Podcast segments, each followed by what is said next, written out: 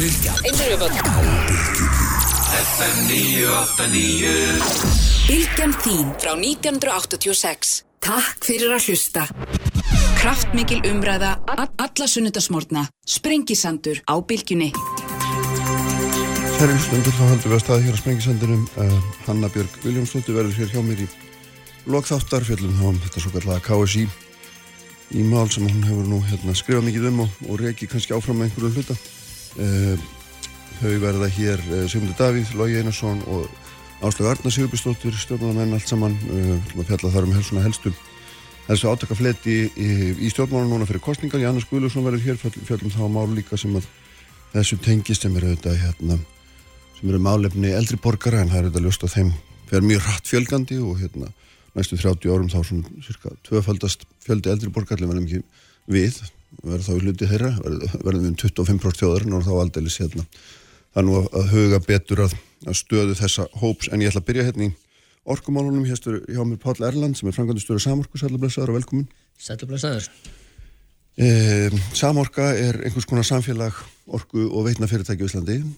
Og þið voru með fund á miðvikudaginn sem var svona, já, bara ofinbarlega auðlistu sem ykkar framlag í þessa kostningabaratu sem núna stendur yfir. Skýrðu það eins fyrir mér hérna svona erind ykkar í því og, og, og hvers vegna þið eru að blanda ykkur í ofinbarlega umræða með þessum hætti? Já, það er rétt.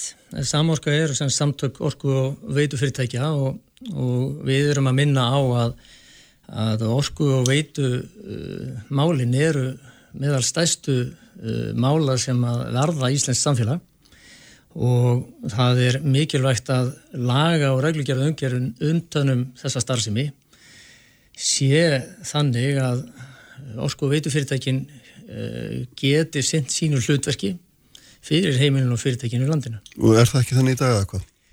Það eh, er sem betur fer margt í góðu standi og, og hérna uh, getum sagt að uh, það er kannski að þýlit í, í góðu standi og ofgóðu standi að bæði fólk, almenningur og stjórnmannamenn kannski gleima sér svolítið á vaktinni að uh, samfélag er vaksa og dafna og þarf sífælt meiri orku.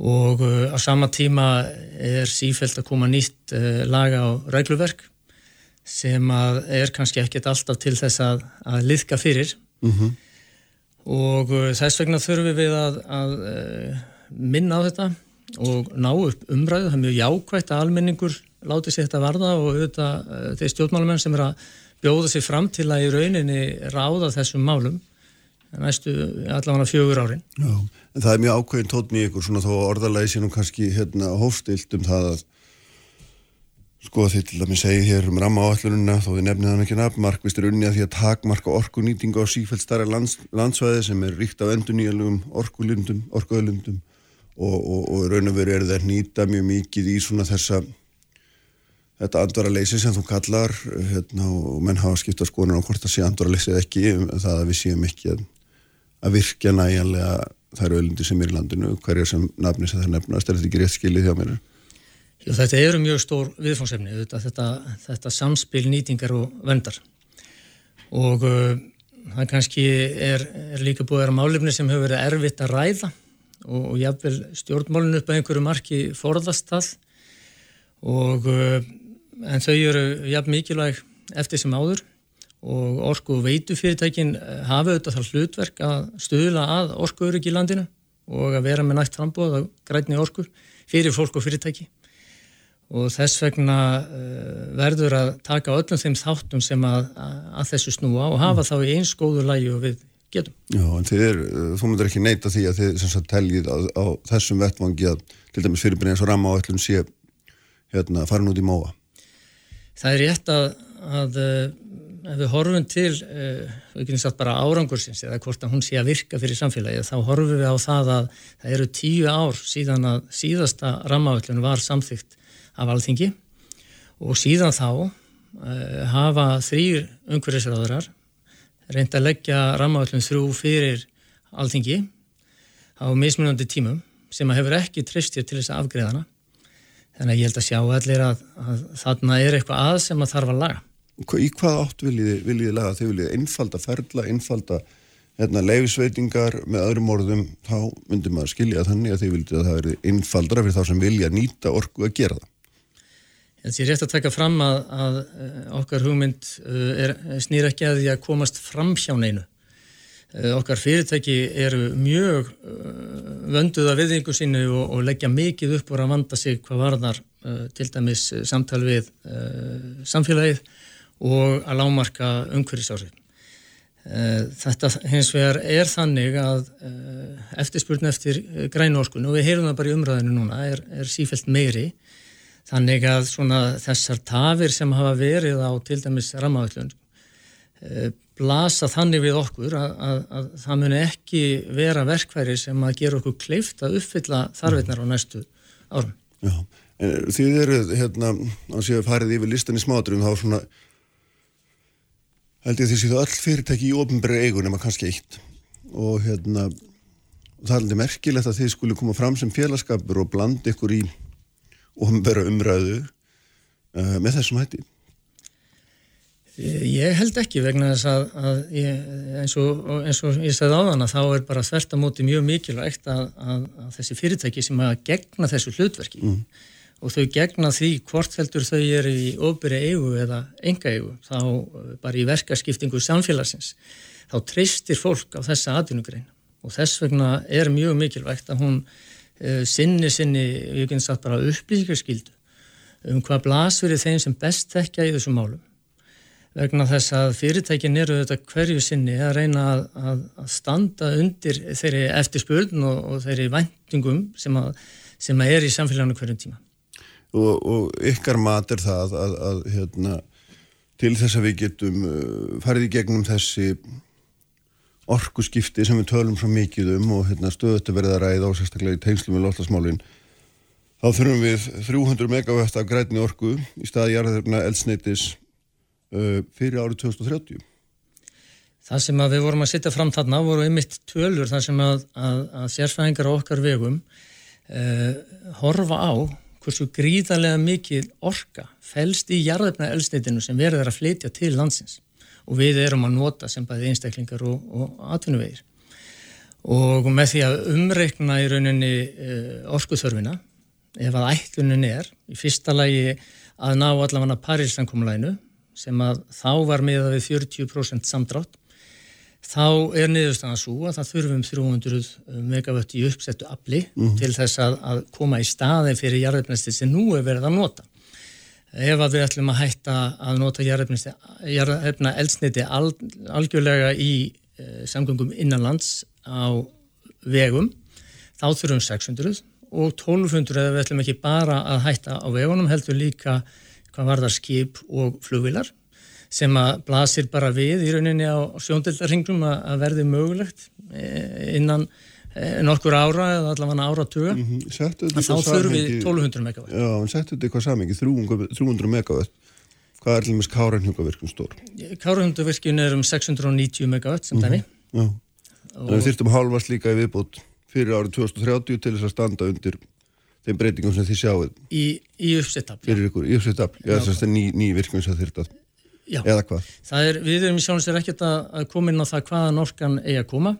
Og þetta snýst bæði um uh, orku og afl sem að, að einhverju leiti er uh, til reyðu sem betur fer þannig að fólk getur algjörlega áhugulöst hlaupið á vagnin með okkur og, og, og reynda að leggja sitt að mörgum til mm -hmm. loslasmáluna en uh, við vorum að leggja fram magnir sem þarf til og, og aflið vegna þess að sama hvernig þú leggur dæmið upp þá er þetta stort og þetta er rosalega mikið viðfangsefni og á þeim hraða sem að e, málinn gangi í dag ekki bara vegna rammaðalluna heldur fjölda annara reglugerða sem að, sem að eru ekki að liðka til mm. þá uh, sjáum við ekki fram á að, að, hérna, að uh, þetta verði allavega auðvelt og, og, og sé til þess að við náum settum marki. En skýrðu aðeins fyrir mig hvað þarf að gerast í raun og veru þegar þú ert að tala um uppsett hérna uppsett afl og svona, veist að nota ykkur hugtök sem okkur er ekki töm, svona sem erum að horfa á þetta utanfrá, en hvað hva raun og veru er það þar sem það þarf að gerast fyrir 2030 til þess að, að hérna, þessi 300 megavett af grætni orku komist í umfyrð? Já, miða við að að bara núverandi viðskiptafinir í landinu haldi áfram að nota það sem þeir eru að nota að þá þarf við þetta að bæta við sem sett grætni orskufremslu virkja og við höfum tækifæri í jarvarma og vassabli og, og svo vindi sem við erum einmitt að leggja áherslu á að sé sjálfsög viðbútt við endur nýjanlega orskugjána sem við notum í dag. Uh, hversu umfangsmikið þarf þetta að vera? Það fyrir alveg eftir uh, kostunum sem verður að tala um mm -hmm. Og það eru þetta, hvað við segja, bara málmarkaðar eins að því leiti til að það eru núna uh, nokkur fyrirtæki og þeim fyrir fjölgandi, sérstaklega með uh, vindorku fyrirtækjunum sem að hafa tækifæri til þess að svara þessari þörf. En, er, eh, en, en, en það þarf samt sem áður, ég meina þessi, þessi starrið hérna segir okkur samt sem áður það að það þarf mjög umtalsverð mannvirki. Það þarf mjög umtalsverðar framkvæmdir. Já, það hérna... Eh, Gríðarlega fjárfrega framkvæmdir á næstu árum til þess að, að hérna ná þessu marki. Já, það er alveg rétt og ef við horfum á umfang uh, orkuvíslunar út frá til dæmis uh, flatarmáli sem að uh, er tekið undir þetta í dag að þá er það svo að um 0,4% af Íslandi er það sem við notum til þess að búa til uh, við getum sagt þá orku sem eru notum og, og hérna með uppsett afl upp á 3000 megawatt það er það sem við höfum í dag -huh. og það líkur í augum uppi að ef þú ætlar að bæta þarna við þá uh, er það verkefnið. Og, og, og, hérna, og þegar þið erum að vísa til ramáallunar og tala um þessi svæði sem stöðust er verið að, að hérna, vernda með skýrari hætti þá eru þið að lýsa yfir einhverjum vilja til þess að fara inn á þau svæði til að sinna á hálendunni eða, eða hvað, eða hvernig námar að skilja það? Já það er nú þannig að, að uh, við höfum stöðu okkur mjög vel í að venda svæði og ég held að það séum 25% af landinu nú þegar vendað sem er vel.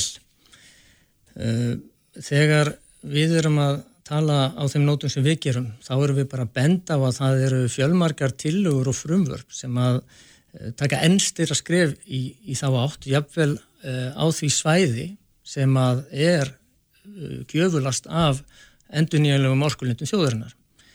Og við erum ekki að taka afstöðu til svæðana, við erum bara að koma með þessar upplýsingar inn í umræðinu og sérstaklega til ráðamanna að ef að ætlunin er að ná hér góðum árangri í loslasmálum þá eru orkuskiptin stóra tækifærið. Það kallar á mikla orku sem að þarf þá að koma einhverstað frá og við erum að, að tala fyrir því að áður en stór skref til viðbútar eru tekin e, í að takmarka eða útiloka græna orkunýtingu á landsvæðin sem eru ríka vendunlýnir orku þá sé það metið e, hversu mikið þarf fyrir e, þjóðanandi framtíðar og hvaðan þá svo hreina orka sem að samfélagi þarf eh, núna átti framtíðar eigi að koma. Það við kastaði einhverju töl á það hvað þetta kostar okkur bæði í, í hérna, orku öflurinu og ekki síðan allir í flutningum á henni. Já, það er hérna alveg ljóst að þetta væri 20 miljardar innspyttikinn í samfélagi sem eh, er einmitt hagkvæm og það er það góða við grænu orkuðinu okkar að, að þeir uh, eru ávinningu fyrir loslæð efnaðarslega og þjóðaröryggi vegna þess að, að í rauninni vegna þess hvers, hvernig síðasta kynnslóð stóð sig í því að nýta einlenda græna orkugjafa eh, og byggja upp síðan eh, orkuinviði til að heimil, eh, þjóna, þjóna heimilum og, og atvinnulífum all land þá er staðan svo á Íslandi sem er alveg einstök að 85% af allir orku sem við nótum er græn. Tækifæri okkar kynnslóðar er að fara alla leið og verða óháð jarðarmælsniti. Mm -hmm með þeim ávinningi sem að ég nefndi áðan. Mm -hmm. En þá ertu að tala um þessa lokatöluðina 1200 megawatt. Eh, Eða þú ætlar að vera óháður henni, 1200, óháður jarðabla elsniti með, með öllu bæði hérna einanlands og eins í samgangum til og frá landi, ekki satt? Eh, nei, 1200 megawatt eru einmitt til notkunar innanlands með að við þá það app sem við sjáum fram á að myndi þurfa árið 2030 með að við bara þá notkun sem er í dag og jarðmjölarsniti og hegðun okkar vegna þess að við eigum auðvitað líka að reyna að draga Þú er alveg eftir að skilja þið, 1200 megawattin eru 2030, var ekki 300 megawatt 2030? Nei, þetta er, já, er mjög gott að spila vegna þess að, að við settum fram mismöndi sviðsmyndir mm -hmm. Fyrsta sviðsmyndin er hvað ef við viljum standa við Paríssamkvæmlega og, og draga úr losun í samgöngum á landi, sagt, bílum og trukkum, um 40%. Það þarf 300 megawatt af afl í það. Ef við ætlum að, að sagt, fara alla leið á innanlandsmarkaði getur við satt í not, notkunn jarðabinæðsnendis og hætta því á landi, lofti og skipum þá þyrti eh, að setja upp afl eh, til viðbútar sem nefnir 1200 megawattum en það er innanlandsnotkunnin þá er ekki meðtalinn millilanda flugið eða farskipin sem að þarf síðan til viðbútar Já. Þannig að, þess vegna eh, setjum við fram þessar tölur mm. með auðvitað ákveðnum forsendum til þess að ebla umræðuna. Þetta er ekkert rétt tala að þýleiti til að þú, það fyrir eftir í hvernig orkuþörfum verður á þessum tíma til dæmis, en uh, þetta er mikið uh -huh. og það er það sem máli skiptur. Ég vil þú helmingum þessa tölu, þá er það mikið. Já, já, blasir nú alveg við. En sko, eitt er náttúrulega ljóst líka um leið og segir þetta að það er, það er að það er mjög mikið magna af ónýttri orku í landinu. Bara inn í flutniskerfinu er, er í gildi hérna að því að fórstjóri landsnett saði hérna einhver tíman uh, hérna kvalarvirkjurnar sem ekki varð uh, hérna sem er bara ekki í, í nótkun og, og það er talaðum að einhverstara bilinu 7,5-10% af orkunni í landinu sé bara atvinnulegs innan gæsalappa fyrir utan það þá erum við með hérna, yfirvofandi lokun á einu stærsta ráðorku kaupenda í landinu. Já, ég meina, er það ekki auðlusum ástöðum er ekki alveg talin almennt endast 50-60 ár og það er alveg í Íslandsvíkar 51 ára gamalt? Það er ókvæmt, það er lítið menn allt þetta hefur komið fram ofnverlega þannig að hérna svona, ef maður horfir á þá sviðismynd þá er orkuþörfin eða semst fyrir nýkvæmframkvæmdir að einhverjum toga miklu miklu minni það líkur alveg fyrir að, að hérna, forgangsatrið er að nýta orku sem er til og afl sem er til. Og það er einmitt það sem við erum að tala fyrir þegar við erum að tala um til dæmis að styrkja flutningskerfi ráorku þar sem að er uh, strönduð orka. Og eins er hægt að, að bæta ímislegt uh, hvað varðar uh, nýttni á landi og, og annars líkt þannig að verkefnið er að nýta það sem við höfum og svo munum við þurfa að bæta við Þess vegna eru við ekki að koma fram og segja að þetta séu þessi 1200 sem þurfa að bæta við heldur það sem þarf í þessi orkurskipti mm -hmm. er 1200 saman hvaða kemur. Mm -hmm. og, og hérna en það sem er enga síður, ég menna þegar við erum að horfa á horfa á stöðun í dag og meta hana þá verðum við náttúrulega líka að taka tilli til þess og, og miklu skýrar fyrst mér heldur en þið gerum það að það er auðvitað svo mikil orka í kerfinu sem við getum nýtt eins og nefnir en það er réttilega miklu miklu betur og, og, og það lítur að vega með þungt í umræðu um það þegar við erum að tala um að fara með einhverju nýframkvæmdir í eins og við erum búin að nefna í hérna inn í óspilta náttúru eða slíkt. Ég það er algjör mískilningur ef að, að upplifun er að við séum að kalla eftir nýframkvæmdum við erum að segja að það þarf svona mikið afl og svona mikið orku. Mm -hmm. og við erum einmitt fyrst og fremst að kalla eftir uh, því að, að hérna, flutnings- og dreifikerfin séu bætt til við getum nýtt orkuna og til að hún þjóni notendunum. Og síðan að sé nægt frambóðu grænni orku kursu mikið sem það þarf til viðbótar og þetta eru viðfangsefni sem að blasa við. Hvernig getur það fengið það út að því séuð ekki að kalla eftir nýframkvæmdum eða þurfum við allt þetta maksum sjálf múin að nefna? Jú, ég var að segja að við værum ekki að kalla bara eftir nýframkvæmdum. Mm -hmm. Nei, nei, ég var hefði ekki að segja það. Já, en, en það, það, það, það er kannski gætið einhverju miskilið það. Já. Forgangsatrið að nýta það sem við höfum og, og orku veitufyrirtækin eru þvert að móti að, að, að bara leggja á, á getur sagt verið fórustu í hringrásarhækjöruna það sem að þú reynir að gera meira með það sem þú hefur. Dæmum það eru til dæmis auðlindagarðarnir á sjá jarðhittavirkjunum þar sem nýtir betur orkuna. Mm. þá getum við búið til meira verðmæti með þá orku sem við höfum. Þannig að, að það er algjörlega í anda uh, okkar. Það sem að máli skiptir er hins vegar það að fyrirtækin séu tilbúin. Uh, þau hafi tækifæri til að nýta þá orku og betur það kerfi sem er til staðir í landinu og hafið tækifæri til þess að abla meiri orku ef að það er krafan og þess vegna er þessi umræðið svo mikilvæg að fólk seti þessar hluti í samhengi og í umræðinni, til dæmis um lofslagsmáli, þannig sem að græna orkan er líkil, þá setist fólk bara niður og tala um þessar hluti í samhengi. Það er í rauninni tilgangur okkar með því að minna á þessi mál, svona. Mm -hmm. Ykkar mat er þá það að, að stjórnmálinn þau hérna, taki ekki nósanlega tillit til þeirrar orku þarfar sem að orku skiptir kalla á ef við ætlum að skipta út jarðefnælsniti fyrir græna orku og einhvern veginn veigri sér við að tala um þann hlut peningsins.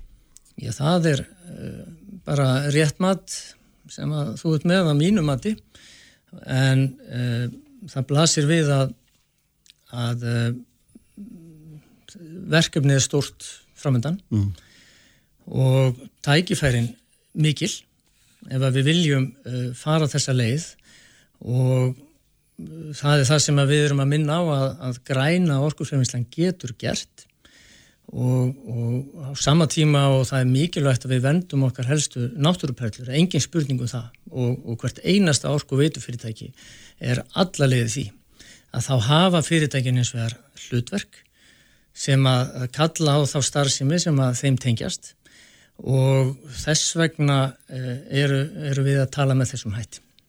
Ljófandi Pál, við komumst ekki lengri í dag. Takk fyrir að koma og það verður áhugavert að sjá hvernig þetta, þetta þróast núna næstu dag og vikunar Takk fyrir þetta, Janus Guðlússon er hérna hjá mér eftir augnablík Sprengisandur, alla sunnudaga á bylgjunni. Uppspretta frétta á Sprengisandi á bylgjunni. Já, svona þetta Komið særi hlustundur, uh, Pál Erland fannum frá mér, uh, fangastur í Samorku eftir uh, samtal um orkumálin og hérna innleg þeirra Samorku þeirra samorku, samorku fólks í, í hérna í kostningabortunni. Annar mál sem að verða nú gríðarlega stort í þessari kostningabortu, þetta minnstustu verða eru heilbríðismál og þar er undirflokkur getur við kallað sem er mjög umhúsmikil sem er auðvitað málumni eldra fólks og það heilbríðistingi síðustu viku bara auðvitað merki þess og við sjáum að hérna svona, svona vitnum um einhverju tölurmálu sinu til staðstingar að sko talið er á næstu 30 árum þá töfaldist fjöldi Íslandinga yfir 70 verið 25% þjóðurinnar og hérna 80.000 Íslendingar með háan blóðsökur, 25.000 búa við hjart og aðeins 80% af kostnaði helbri kerfisins tengis lífstir sjúkdómum sem enganlega höggva skorði í raðir þetta eldra fólks og meðan að þessu öllu vindur fram þá hérna, þá blæs helbriðiskerfið okkar út og, og ekki ræðis neitt við neitt eða svona kannski orða það eins fráslega að mér stóðst ekki að og við gerna vildum hérna hjá mér Janus Guðlússon sem að eru þetta hafsjúra fróðleg um einmitt málumni eldri borgar og hefur syndum um, um langar hýr ekkur Janus heilsueflingu og hérna gaman líþróttakappi og þetta sækir sína viskudaldi þanga reyfingu, hotlafæð og svo framvegis. En Janus, hvað hérna hvernig blasir þessi mynd við þér því þú vinnur mikið og hugsaður mikið um þessi, þessa framtíð sem ég er að lýsa Ég sé allavega jákvæð teknalofti eftir uh, heilbríðsþing núna Já. 20. ágúst en eins og þú lístir þá bara ef við horfum á þessa tölu 80% á kostna heilbríðskerfi sem tengis langunum sjúkdómum þá þurfum við að gera betur. Uh, það er mitt mál að, eða mín skoðun að það þarf, þarf að skjóta sterkari stóðum undir heilbríðskerfið og sérstaklega sem, það sem snýra eldri, eldri, eldri aldursópum og eina leiðin sem ég er sínist er að raunhaf ódýr uh mhm. -huh. og árangusrygg er uh, að íta uh, heilsutengdu forvörnum á staði í öllum sveitafjörlunum landsins Já uh, Við erum búin að ég er búin að vinna þessum álaflokki bráðum í 20 ár Já. allt frá því að ég uh, settist á skólabekk þá bráðum 50 uh, lög uh, mestaranámi einmitt á þessu sviði. Hvað er hægt að gera til þess að auka afkastagetu og, og bæta líf og helsu eldri borgara? Og það held síðan áframin í, í dóttarsverkefni sem tók 7 ár með lög því 2014 þar sem ég komst svona að ákveðinu niðurstöðum en þó ekki alveg því að við sáum um leið og ég getur sagt kannski frekar að um leið og þú sinnir eldri aldurshópum í heilsutengtum forvöldnum og þá á ég sérstaklega við e, þólþjálfun í formi göngu, að synda leikagolf eitthvað sem fær hjarta til að slá erar mm. e, stunda styrta þjálfun markvist því að kannski þetta skjótaði inn í að það sem sækir á eldri aldurshópa er svo kvöldu sarkopinja eða hægfæra vöðvarítnun og við þurfum að mæta henni með aðgerðum og styrstaþjálfun er í rauninni leiðin, þetta er núna viðkentum allan heim. Og síðan er það fræðsla og fróðleikur þannig að megin markmiðið í þessari vinnu okkar núna er að gera eldri borgarna sjálfbæra og, mm. og nokkuð sjálfstæða á eigin helsu, við erum að kenna þeim til verks og þetta er að skila mjög góðum árangri. Og ég er með niðurstöður og á niðurstöður síðustu, við getum sagt, síðustu fimm ára frá því við hófum þetta ferli í Reykjanesbæ 2017 og við erum að sjá afskapla jákvæðar og góðar niðurstöður. Allt frá afkastagetu reyfi getna batnar uh, styrkurinn eikst og svo, svo kannski sérstaklega ánægilegt að mat einstaklingana á sex mánuða tímabili í tvö ár eikst jaft og þjætt með hverju ári sem líður þrátt fyrir að hækkandi aldur. Já, þannig að það er einhvern veginn verið að gera það sem að mann allt alla hefur langað til sem er að halda aftur af, af hörnuninni. Já. Eða svona, getur maður sagt það. Jú, það er alveg rétt sko, en þú þarfst að halda utanum þessa hluti Já. og uh, ef við vísum í sko, við getum vísað í mínarálsvoknir og, og það sem við erum að gera þá, þá sjáum við það að, að þetta getur sparað þjóðinni heilmikið fjármagn. Sem færist á yfir í heilbríðskerfu og þetta nýta það þannig. Já, já, sko það sem er svona, sem við sjáum og við varum alltaf í fram og kannski aðalmáli á þessu heilbríðstingi allavega svona það sem var í fréttum var þessi hugmyndum að taka fólk út af sjúkrahúsum og setja það í svo kallega heimahjókurun en þú ert í raun og verið að leggja til að við förum miklu fyrr inn í einhverja svona helsu tengdar Forvarnir? Já, forvarnir, já, já. og, og vinnum, vinnum langt áður en þetta gerist, er, er það ekki rétt skilið hjá mér eða eitthvað? Jú, því að ef við, ef við horfum á bæði eða báða þessa þætti annars vegar heimahjókurun sem, sem er nöðsynlega mm -hmm. það er ekki, það er ekki, ekki vafamál. Og einni dvalar í hjókunarheimili eru okkur nöðsynlega við skulum ekki íta þeim út af borðinu. En við getum senkað þessum hlutum. Og í rauninni forstíð vantar bæði fyrir heimahjókurununa og á dalar og hjókunaheimilin því þú þyrti sjálfsagt ekki eða ég síður á heimahjókuna halda ef þú værir í góðu ásengumulegi með gott freg og góða hreyfifærni og þetta þarf að byggja upp. Þannig að þú senkar ekki bara uh, sem sagt uh, yngöngvinn á dalar í hjókunheimi kannski með eitt eða tvö ár. Þú senkar líka þörfinni á að þurfa að fá heimahjókun mm. og hann doktor uh, sína sem er frá Kanada, hann spurði náttúrulega uh, líðin sem var á, var á ráðstöfni hvort að einhver var að flýta sér inn á dvalar í hjókunarheimili og hann fekk ein, og við hefum gert það einnig og yfirleitt eru það fáir ef nokkur sem verður að flýta sér þangað inn en uh, við þurfum að brína fólk til heilsutengdra forvarna með markvisum, markvisum hætti. Já, og það ertu búin að gera á því í samráði við þó nokkuð mörg sveitafélög.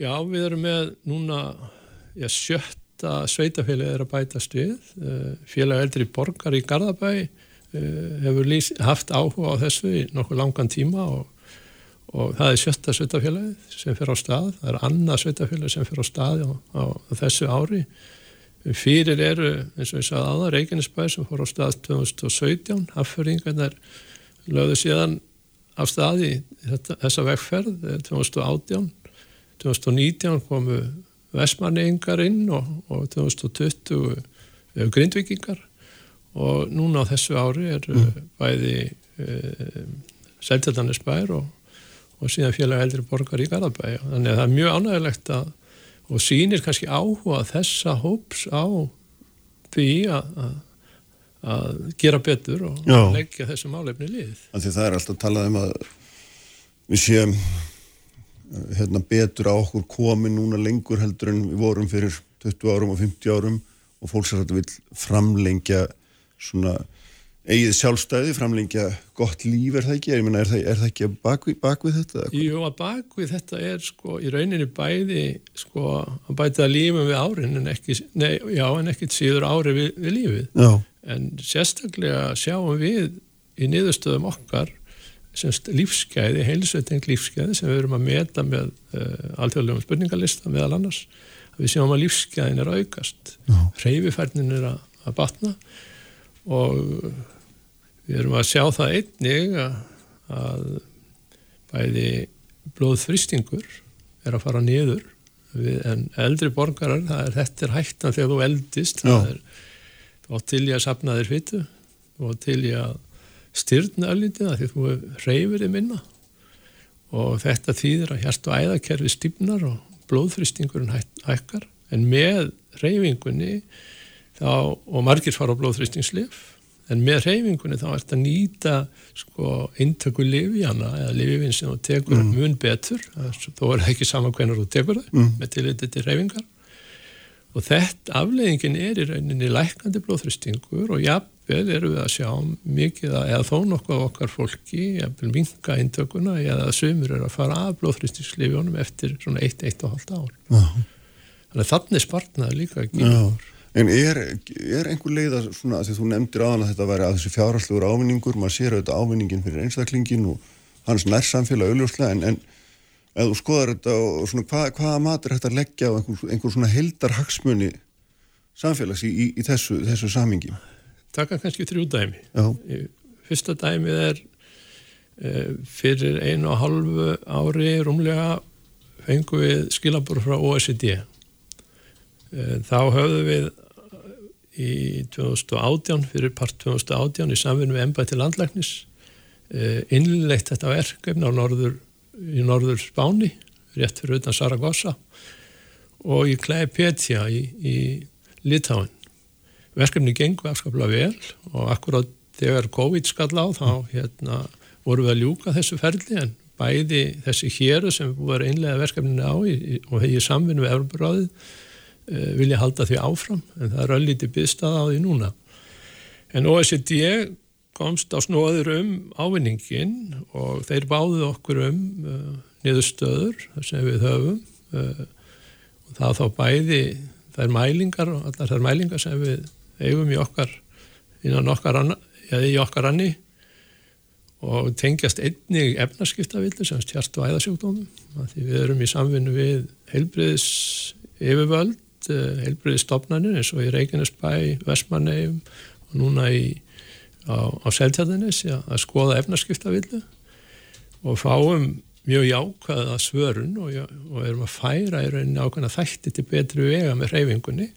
Þetta komst OECD á snóðurum og eru núna búin að senda okkur dröga skýslu sem þeir hafa tekið saman um ávinningin og, og bara svona dæmi, gott dæmi, þá eru þeir að horfa akkurat að því þú myndist á ásins 2050 þá er okkur að fjölga um orðin bráðum 25% þjóðarinnar 65, 7 eða eldri þá nefnaði þeirra 480 tilvelli langurinn að sjúkdóma árið 2050 mætti komið vekk fyrir.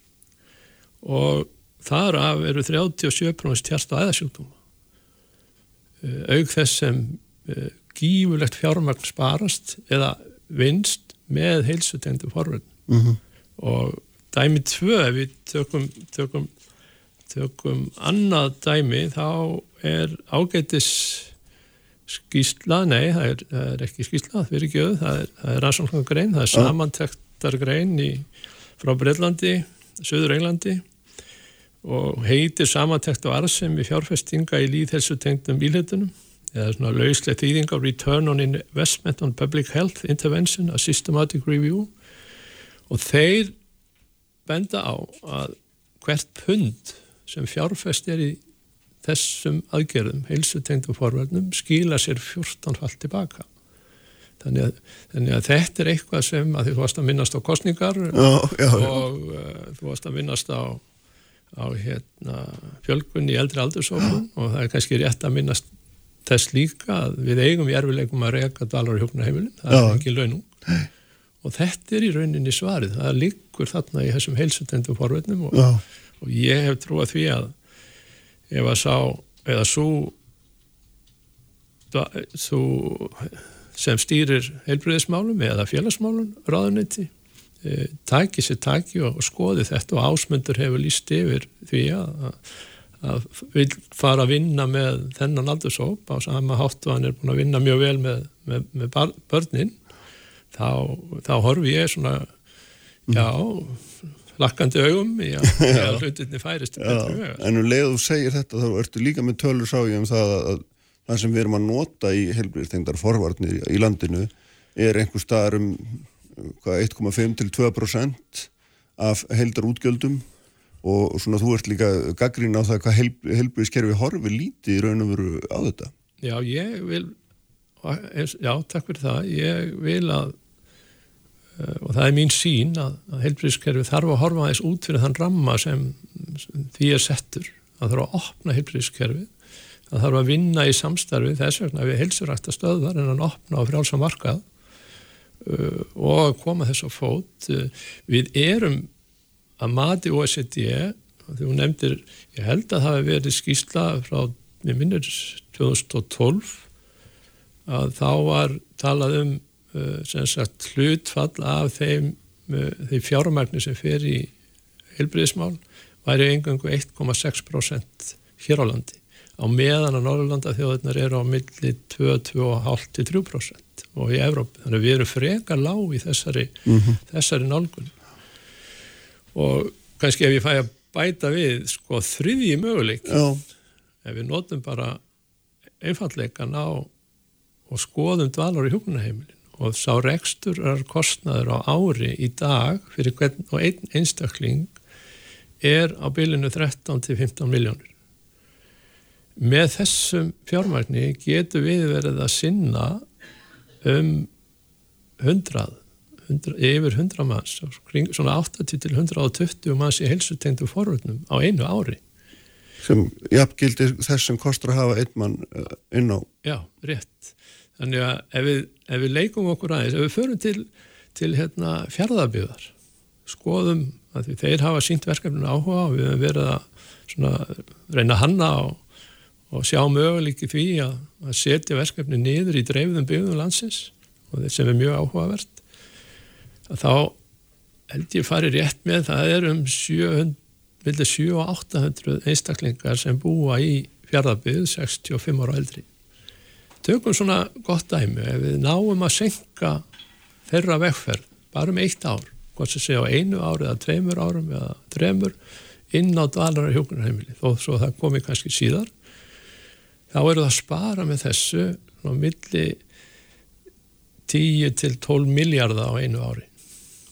Þannig að þetta er gífulegu sparnaður sem við erum að tala um með því að senka þessu vandamáli mm. Að, þurfa að sækja um eða fá vistuninn á dalar í hugunarheimili eða þá að þurfa að fá heimaþjónustu að því að það er eitthvað að gerast hjá okkur í heilsunni að við þurfum á þessari þjónustu að halda. Já, þannig að það er hérna Það er um gríðalega fjárhæðar ræða og menn halda rétt á spöðunum Já, það er það, er það sko. En, uh, en við þurfum ég er svolítið þýskur í mér, ég bjóði í Þýskalandi í 5-6 ár. og uh, við þurfum að horfa þess lengra fram í tíma Já. við þurfum að horfa 10, 12, 15 ári tím, fram í tíma við þurfum Já. að horfa til ásinn 2050 og hvernig við viljum sjá þetta ferli, ekki síst með tiliti til þess að eldri aldursópum er að fjölga svona gífulega hér á landi og þetta er þessi svona kallað baby boomers uh, ferli og ég er akkurat í miðið þessu ferli sjálfur Heru, Þetta var frólitt Janus, hérna, fylgjumst áfram með hvernig þetta, hvernig þessu miðar og sjáum hvernig stjórnmálamennir hérna, taka á þessum, takk fyrir að koma. Já, takk fyrir og gangið þeim vel. Já, takk. Og fyrir þeirra hönd segi ég. Og hérna Áslegarna, Lág Jenisson og Sigmundur Daví verða hérna hjá mér. Þá haldum við inn í pólitíkina í alvöru. Sprengisandur. Á bylgjunni Bilgjan, fréttir, fróðlegur og frábær tónlist í 35 ár. Uppspretta frétta á Sprengisandi á Bilgjunni.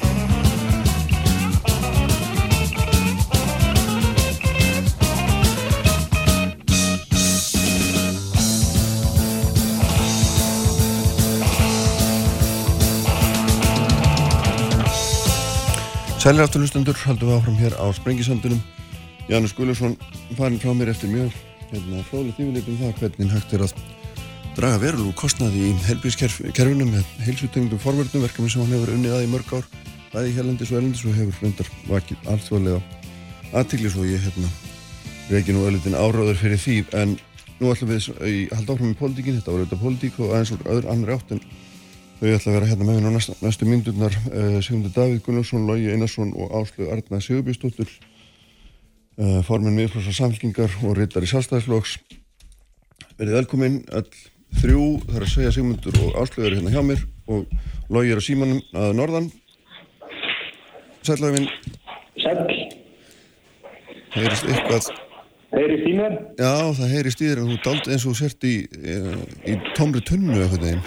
Já, þá skal ég bara slökka á þessu eh, headseti og gera þetta bara svona á gamla máta. Já, gerðu það. Já. Ég held að, hérna,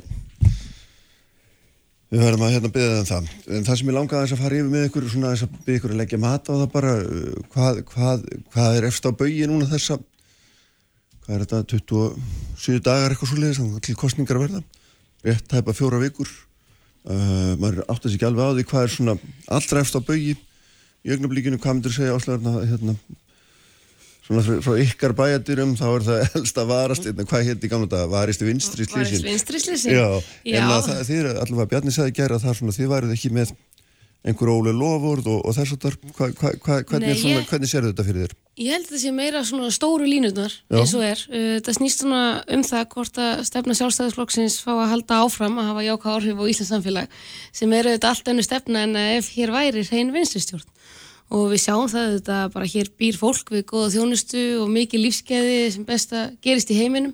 Það eru þetta áskoranir víða og það var það sem við vorum að ræða sérstaklega í gær, áskoranir í heilbríðiskerfinu, málefnum eldriborgara og loftlags og orkumálunum sérstaklega.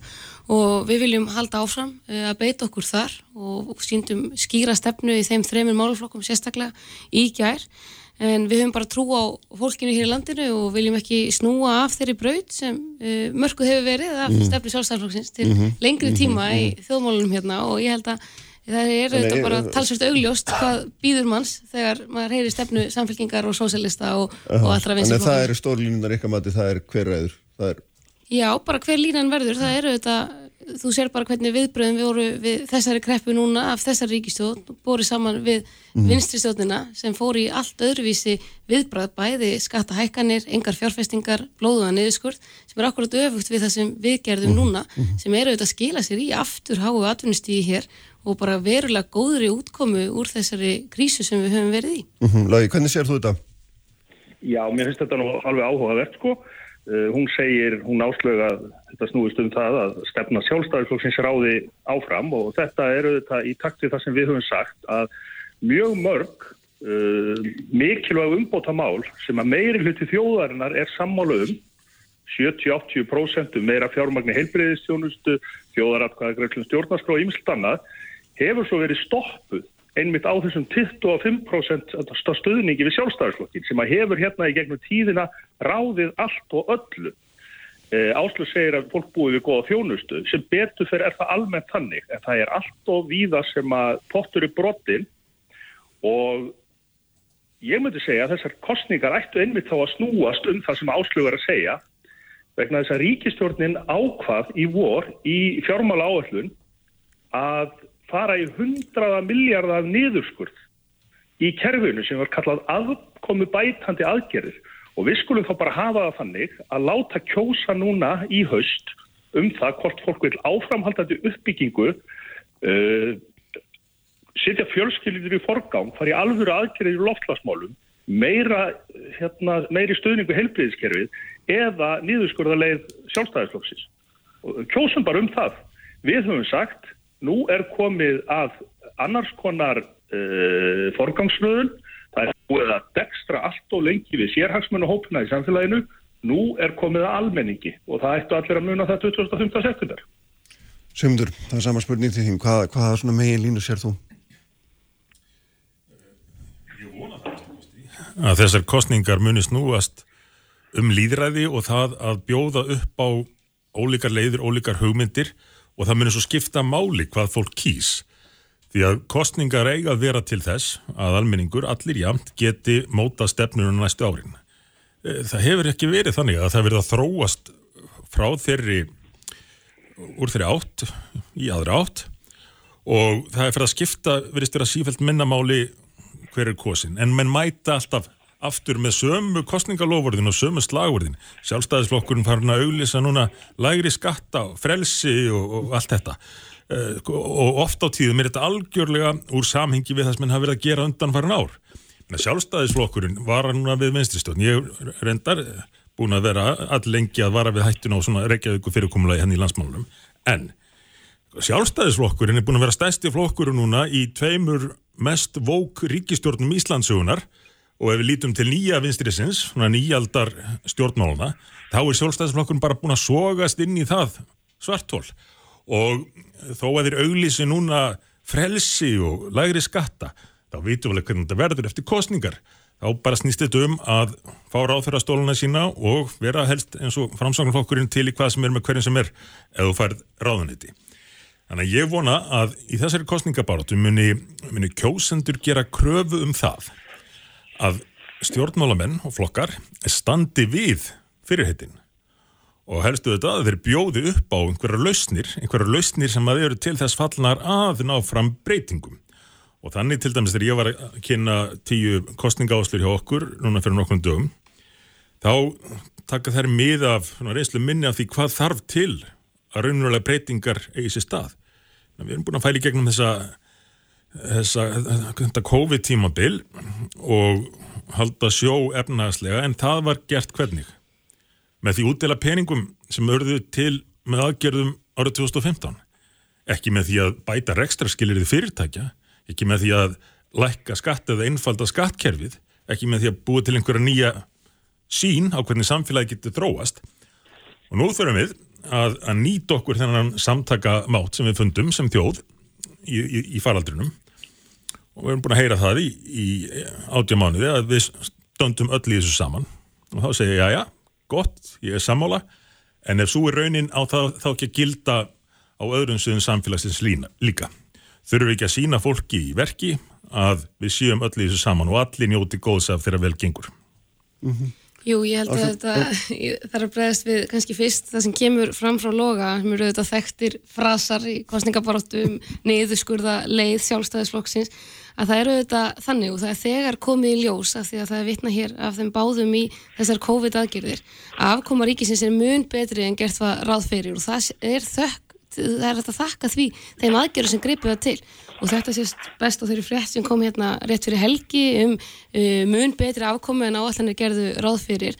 Og af hverju skiptir þetta máli? Jú, þetta skiptir máli af því að þá er uh, einmitt ekki verið að fara í þessa leið að uh, fara í mikið niðurskur en á sama tíma erum við að bjóða upp á það að það er ekki bara fjármunni sem skipta máli það er spurning hvernig þú ætlar að fara með þá og það er þar sem við þurfum að ræða innan heilbríðiskerfisins. Við eigum mjög stert og öflut heilbríðiskerfi, við höfum bætt verulega í fjármunni til kerfisins á undarförðinu þessar ríkistjón í síðustu ríkistjón en það er ekki bara peningarnir sem skipta máli. Við getum haft hérna, dælt peningum í kerfið en það þarf líka að hugsa hvert er það að fara út frá fólkinu. Mm -hmm. Við erum ekki að tala um kerfið út frá því heldur hvernig getum við Já. bætt það svo allir fáið á þjónustu. Það er príðileg hugmyndum það áðan hvernig við getum spara peninga í nákvæmlega þessum málum. Það eru forvarnir en það er líka bara að hafa ákveðna þjónustutryggingu og vera ekki að hrætt við að vesla og hérna gera samninga við engaðila. En svo kemur Sigmundur auðvitað líka inn á það að það skiptir ekki máli að sjálfstæðislokkurinn í ríkistjóð. Ég verði auðvitað að vera því algjörlega ósamála mm -hmm. og hann vitna til dæmis hér í skattamálinn. Við erum auðvitað búin, búin að lækka tekjuska sem nefnir 35 miljardum á undanförnum árum, uh, tryggingageldi um 25 miljardar. Þetta eru auðvitað veruleg búbót fyrir fólk, hvort sem það er heimilisbókaldið eða fyrirtækjabókaldið og já, við auglísum áfram lægri skatta, þar er því að sjálfstæðarflokkurum finnst alltaf tími til að lækka skatta en á meðan uh, þessi lausni sem koma hér frá þessum hinum flokkum, það er snúast um að útdeila uh, peningum uh, eftir á en ekki að hafa neina einmitt kvata til þess að lækka skatta. Nefnum hjá okkur, þetta er allt um kvata hjá okkur. Afkoman er, er ju aðeins betur en mann gerður að fyrir. Hún er ekki góð, sko, hún var ekki góð á meðan á fallatinu stóð, hún er aðeins betri og akkur er það, vegna þess að lausnirna sem ríkistofnum var með voru bara minna nýttar en mann gerður ráð fyrir þannig að það er sparað útgjöldin og jú, tryggingagjald hefur smátt og smátt lækkað en, en það er svona rétt að komast í það sem við vorum búin að lofa að klára að lækka það í sko, þar síðasta kjörtfjömbili eh, en almennt séð þá hefur skort hjá öðrum flokkum, þar með talið sjálfstæðisflokknum, vilja til þess að fylgja jafnvel eigin stefnu. Stundum munaðir stefnuna en, en bara einhvern veginn til þess ekki hafa aðstöðu til þess að hrindin í framkvæmt. En stundum bara gleymaðir stefnunni eða, eins og mér vist verið að gerast með sjálfstæðisflokkin, færast frá grunninum og fara að elda einhvern nýjan tíðaranda sem er ekkit endilega æskilegt að stjórnmálaflokkar Það er þetta skrítið að segja það á sama tíma og kvartar yfir að við komum ekki með nýjungar í stefnumálum okkar af því að það er bara einföld ástæð fyrir því og okkar nálgun hefur virkað. Lógi, Já, við skulum nú bara láta þjóðina svara því sko og þetta er náttúrulega ótrúlega þegar áslög talar um að við séum að fram einhverja þekta frasa í kostningavörðu. Sko það er fjármála áslög ríkistjórnar til fimm ára sem hún samþýtt í vor sem að talar einmitt um afkomi bætandi aðgerðir og það er mjög áhugavert núna að núna segir áslög að líka lækka skatta, ég meina þá er bara ein leið til til þess að ná þessum afkomi bætandi aðgerðum og það er auðvitað að draga úr þjónustu. Við bentum á það fyrir einu og hálfu ári síðan að það þurfti að bæta mönnun meðal annars í heilbyrðistjónustunni. Þá kallaði hérna, fjármálar á þeirra Bjarni Benditsson það um það bil heimskustu hugmyndir sem að hann hafði heilt. Núna segir hann hins vegar að það sé ekkert að fjármögnun heilbyrðiskerfisins en það sé ímislegt aðvarandi mönnun. Þannig að hann alltaf sveiplast bara eins og, eins og hérna, löf í vindi og ég er enda til þreyttur á því þegar að þessi sjálfstæðismenn tala alltaf eins og þeir einir kunni rekstur. Ég get alveg mælt mig við hvern og einn sjálfstæðistingsmann og, og farið yfir ekstra sögu hérna, þeirra og mín. Eða þá farið sögur Þannig að- Reykjavík og borgar. Það er ekkert vandamál sko. En hérna þegar komið er að einmitt sko heilbyrðistjónustunni og Kristján nefndi viðtalið við Janus, þá er það alveg rétt. Við þurfum líka nýja nálgun og nýta fyrir betur. Við þurfum auðvitað að tryggja hjúkrunaheimilunum nógu góðan ekstra grunn en við þurfum líka að vinna að meiri samtækningu á hjúkrunar heimilisrekstri, heimaþjónustu, heilsugæslu og, og heima hérna aðstóð og það til dæmis er eitthvað sem að Akureyra gerði mjög lengi og að kalla Akureyra mótilið þar sem að Akureyri hjælt á allir þessari þjónustu og það var mjög góð samþætting hennar en það var í tíð sjálfstæðisflokksins Háverandi heilbriðisráðara Kristjáns og Júliusson sem að hann byrja að mölva þetta kerfi niður fyrst með því að hrifsa hérna, heilsugjæsluna af Akurabæ og núna sjáum við að hérna, vannfjármögnun hefur gert það verkum að Akurabæ neittist til að skila hjúkunarheimilunum. Þannig að ég held að við séum að sjá það á hverjum degi, hverju viku, hverju mánuði að þa- það sem eru innihaldslösi frasar í stjórnmálum, það er þegar að sjálfstæðisfólk talar um hérna hæfni sína til rekstrar. Vegna þess að það hefur svo sannlega komið að daginn, þau kunna ekki að reka samfélag. Herðu, við skulum halda áfram með drauguleik þegar maður hérna, safnum svolítið tekjum í smárstund. Sprengisandur á bylgjunni alla sunnundasmórna. Hlustaðu hvað sem er, hvenu sem er. Bilgjan.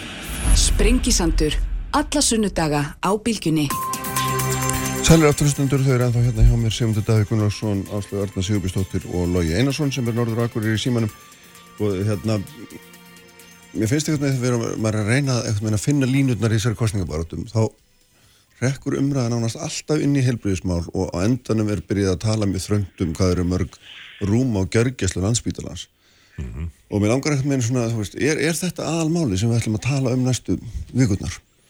Það er allavega að tala um margt fleira en, Já, þú varst með áhugast viðtal hérna áðan, Já, Janus. já. við vorum að vinna með honum í, í ráðunitun á sínum tíma og vorum með þess að ég búin að setja upp sérstakar ráð fyrir nefndum líðhelsu, Unna Mari Óskarsdóttir var þar að vinna með okkur og, og Janus segja að því að gera alveg úr þessu fyrir samfélagið allt.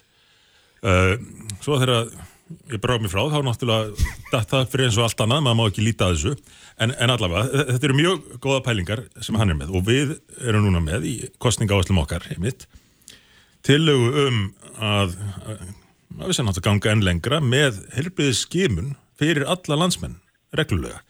Til þess einmitt að, að finna það þegar einhvað er, er að í, í tæka tíð. Við setjum bílinn okkar í skoðun þurfum að gera það árlega reyndar að að hann sé einhvað lasin því skildum við ekki skoða okkur sjálf Íslendingana og, og tryggja það að við náum að verja sem best heilsu allra landsmanna þetta mun held ég á endanum spara fyrir helbriðskerfið, þetta mun þetta berga mannslífum, en þetta mun á endan að spara því allt snýst þetta um forvarnir. Það er ekki hægt að viðhalda öflugu helbriðskerfi, tala nú ekki um þegar þjóðin er eldast eins og, eins og núna öðruvís en að líta til forvarna.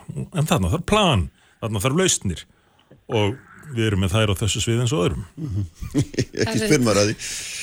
Og þetta, já, kannski hérna, eina bestu hugmyndum Sigmundar Davís í vikunni hérna varðandi forvarnirnar og skoðanir á fólki að, að, annað en aðrar kaninu sem voru dregna hatt upp úr hattinu um hvernig þetta reyka ríkisjóð og ég verð nú þetta bara að segja því að því ég er alltaf haldið hér en þá verið að halda bara fram staðlausum stöfum um að bæta afkoma hafi komið til af gældahliðinni Sigmundur sagði, það er auðvitað bara rámt hún kemur til af tekjuhliðinni af því að það hérna, þauks í hárriettum aðgerðum og vegna herri tekna til að halda því til haga.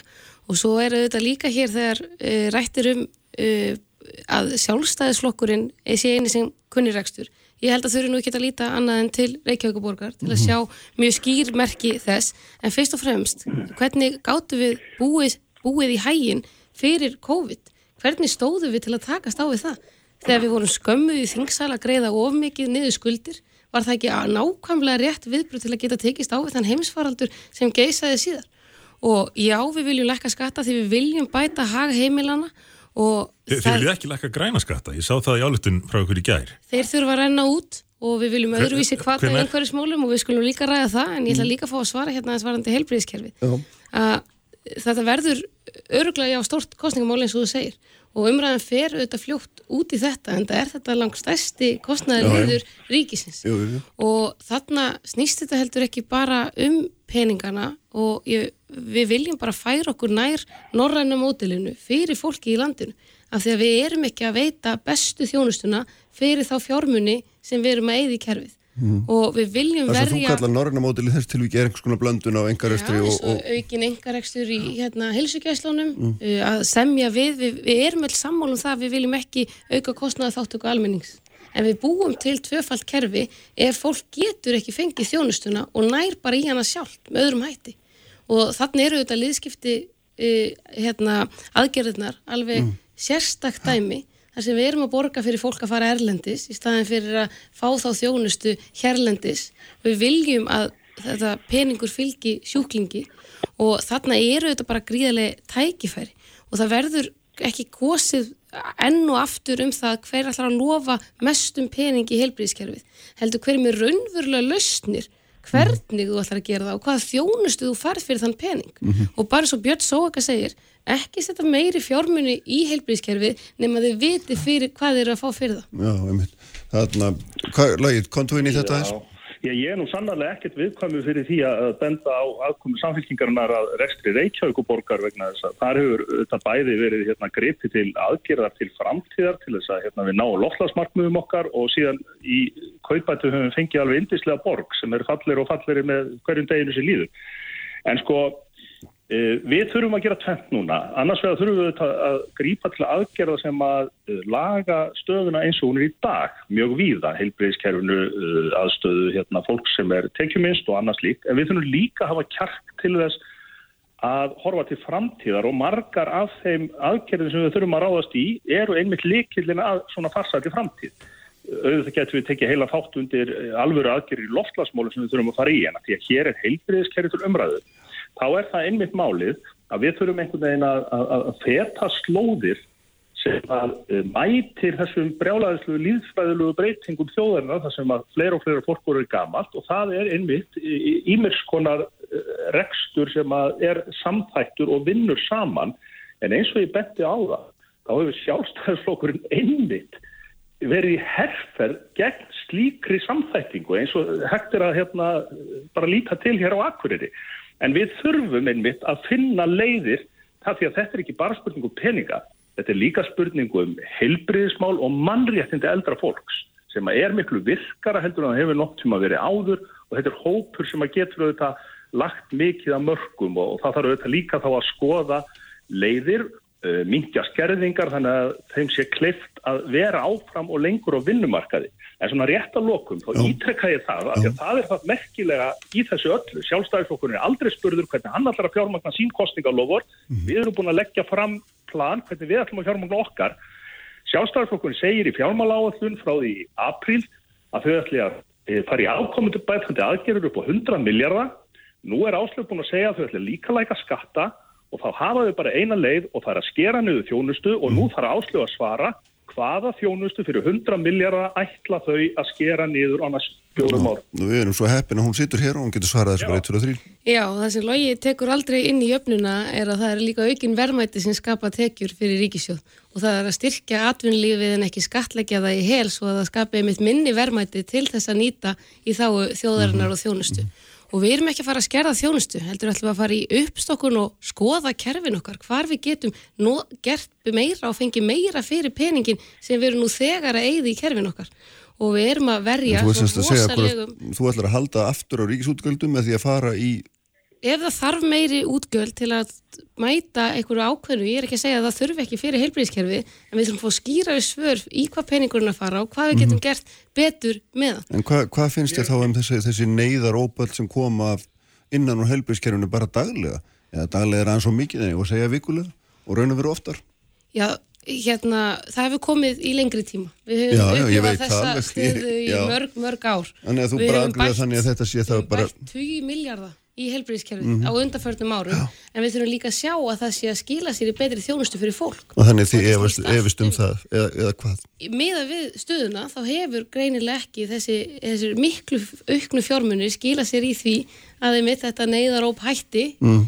um, síðan talar hérna logi um það að við höfum talið það heimskulega hugmynd að auka mannabla helbriðiskerfinu Nei, það var heimskuli hugmynd að ætla að bæta við sem viðbröða COVID mörg hundru nýjum ofinbörum starfsmunum. Það var tillaga loga einasanar og samfélkingarinnar og það var heimskuli hugmynd. Við erum að skapa verðmæti á mann eins og best verður kosið í heimi og það er þannig umhverfi sem við höfum skapað fyrir fólk og fyrirtæki í þessu landi mm. og það er það sem við ætlum að gera áfram og það verður ekki gert með skatta hækkuna tilugum bloga eða lofórðum hérna sigmundar um að deila síðan út peningnum.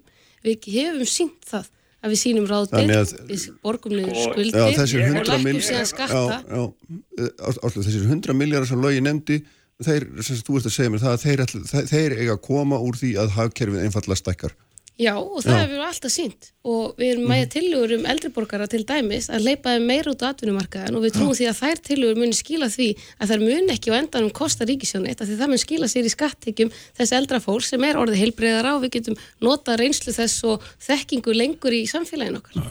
Gaman er þetta að það aðeins verða að spója hildarmyndina og að koma einhvað á móti. Að því það hefur ekki verið nálgunin hjá fjármálaráðundinu undanfærin ár að, að rekna til dæmis nokkra aukna verðmætasköpuna að því að læka skatta eða hjálpa fólki að búa til meiri verðmæti, vinna lengur þeir sem það vilja. Eh, þetta hefur allt verið meir og minna öfugir kvatar og við sjáum það sérstaklega í umhverfismálunum og ég veit og vilt ekki missa mig alveg út í þá umræðu en það er ekki hægt annað í samengi við þessa skattaðumræðu þegar sjálfstæðisflokkurinn álíktar sérstaklega um það að hann vil ekki læka græna skatta.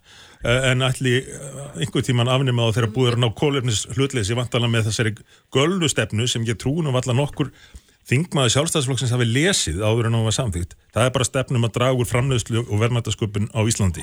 Og þar með auka losun róður og saloftu áhugast við til myndu Pál Sámarku Þú er ekki lesið rétt að álegtun Loslæstefnu stjórnvalda Þegar að sjálfstæðisflokkurinn lendir í vandraðum, björgræðu, þá faraðu að kenna öðrum um uh, einhverjar meintar hugmyndur um skattahækanir. Samfélkingin hefur uh, lagt fram fjármögnun á sínum kostningalóðurum og þær eru með þeim hætti að 97% þjóðarinnar mun ekki finna fyrir neitni breytingu nema þá til bóta vegna þess að við ætlum að auka barnabótakerfi. Hins vegar ætlum við að leggja á stóregna skatt fyrir ofsaríkt fólk og við ætlum að ná meira af sameilir öðru þjóðarinnar. Við ætlum eins og vera að lækka eh, skatta á lítil fyrirtæki. En mér finnst skilningsleysi er... áslögar á hagkerfinu endur speglast best í því þegar hún segir áðan að það þurfa að fara yfir það hvernig peningum er eitt í þjónustuna.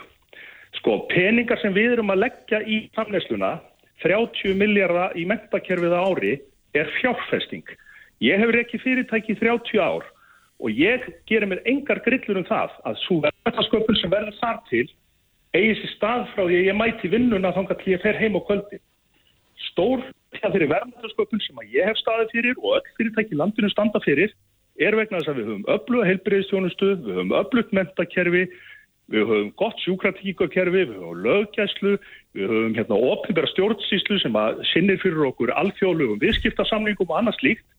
Þannig að þessi samhangandi e, hérna, mynd, þessi samfella mikli hérna, dugleira fyrirtækja í einkarekstri og öfluga almannaþjónustu sem er óbóðslega mikilvægt að viðhalda og styrkja í staðin fyrir að brjóta niður með innan tómum frösum um að verðmætasköpunin verði til á skrippbóri hjá einhverjum einstaklingjum í bæ. Gaman að heyra það að samfélkingin sér að lýsa hversu góðu samfélagi við búum í og hversu góð kerfi við búum í en það hefur stefna sjálfstæðarflokksins. Já, ég veit, það eru ymser hérna, áskoranir framöndan og það verður um það tekist í þessari kostningabortu. Við erum ekki að bóða það, Lógi, ekki, nei. Jú, þú bóðaði það í fjármálaáallin. Nei, við erum að segja að tekjurnar hafi bæta emmitt lagast af því að við gripum til hárrétta efnaðislega aðgerða og þess vegna er afkoman, afkoman er betri. Þið getur ekki tala bæði einu vegna sem það heyrist og, og svo ógreinilega. Hérna, Simundur, þú var að stela stoppaður hann í miðjum klíðum á hann. Já, sko, það var mjög áhvert að, að hlusta á viðtalið þitt við Pál frá Samorku í morgun. Af því að hann er svona leitast við að setja hlutin í samhengi. Ef að okkur er alvara með það að ná kólefnis slutleysi, þá kallar það á enguða síður framleyslu á meiri orku. Og við hér á Íslandi búum að því að vera með umhverjusvænustu orku í heimi, bestu nýtingu á henni fyrir samfélagið, þó að það fel í sér ákvæmna losun, til dæmis framleiðsla á áli eða öðru fel í sér losun, þá erum við um leið að spara losun sem að ella færi fram margótt meiri annar staðar. En, en Ég ætla ekki að sleppa þér mjög langt inn í þetta sem Nei, ég veit að, ég veit að, ég, ég skal passa mig á því. Við höfum talað um þetta áður Já. En- ástæðan fyrir ég Já. er að rifja upp hérna er sko að lofsla stefna ríkistjórnarinnar Mhm. er dæmi um þessa nýjaldar pólitík sem að snýst ekkit um raunveruleg á- áhrif heldur um yfirlýst markmið og yfirlýstu markmiðin er, er að gera eitthvað svo skoða maður þetta eh, þá þýðir þetta bara við ætlum að draga úr ver, verðmætasköpun á Íslandi og þar með lífskeðum við erum eins og með lausnir um það hvernig er hægt að uh, vera umhverjasvæn en um leið auka verðmætasköpun í landinu nýta þessa hreinu grænu orku. Og er ekki bara niðurstaðan af þessu öllu af því ég hef á tilfinningunni að látbræðin að þú vilja fara að klára þetta að eh, ég meina, það verða enga breytingar nema miðflokkurinn komist til áhrif Það er allir flokkar meira og minna að breytast í er samfélkinguna að Sigmundur las orkustefnun en það, verður breyting með miðflokkurinn Ég tek auðvitað undir þetta, loftlagsmál og orkumál verða ekki aðskilin. Og það er auðvitað, fer ekki saman hljóð og mynd ef það er alltaf fyrirvarar á að nýta orkuna en að vilja hér full orkuskipti. Og það er einmitt það sem uh, fundur sjálfstæðarflokksins gekk út á í gær þannig að það er auðvitað að Sigmundur hefur lesið það.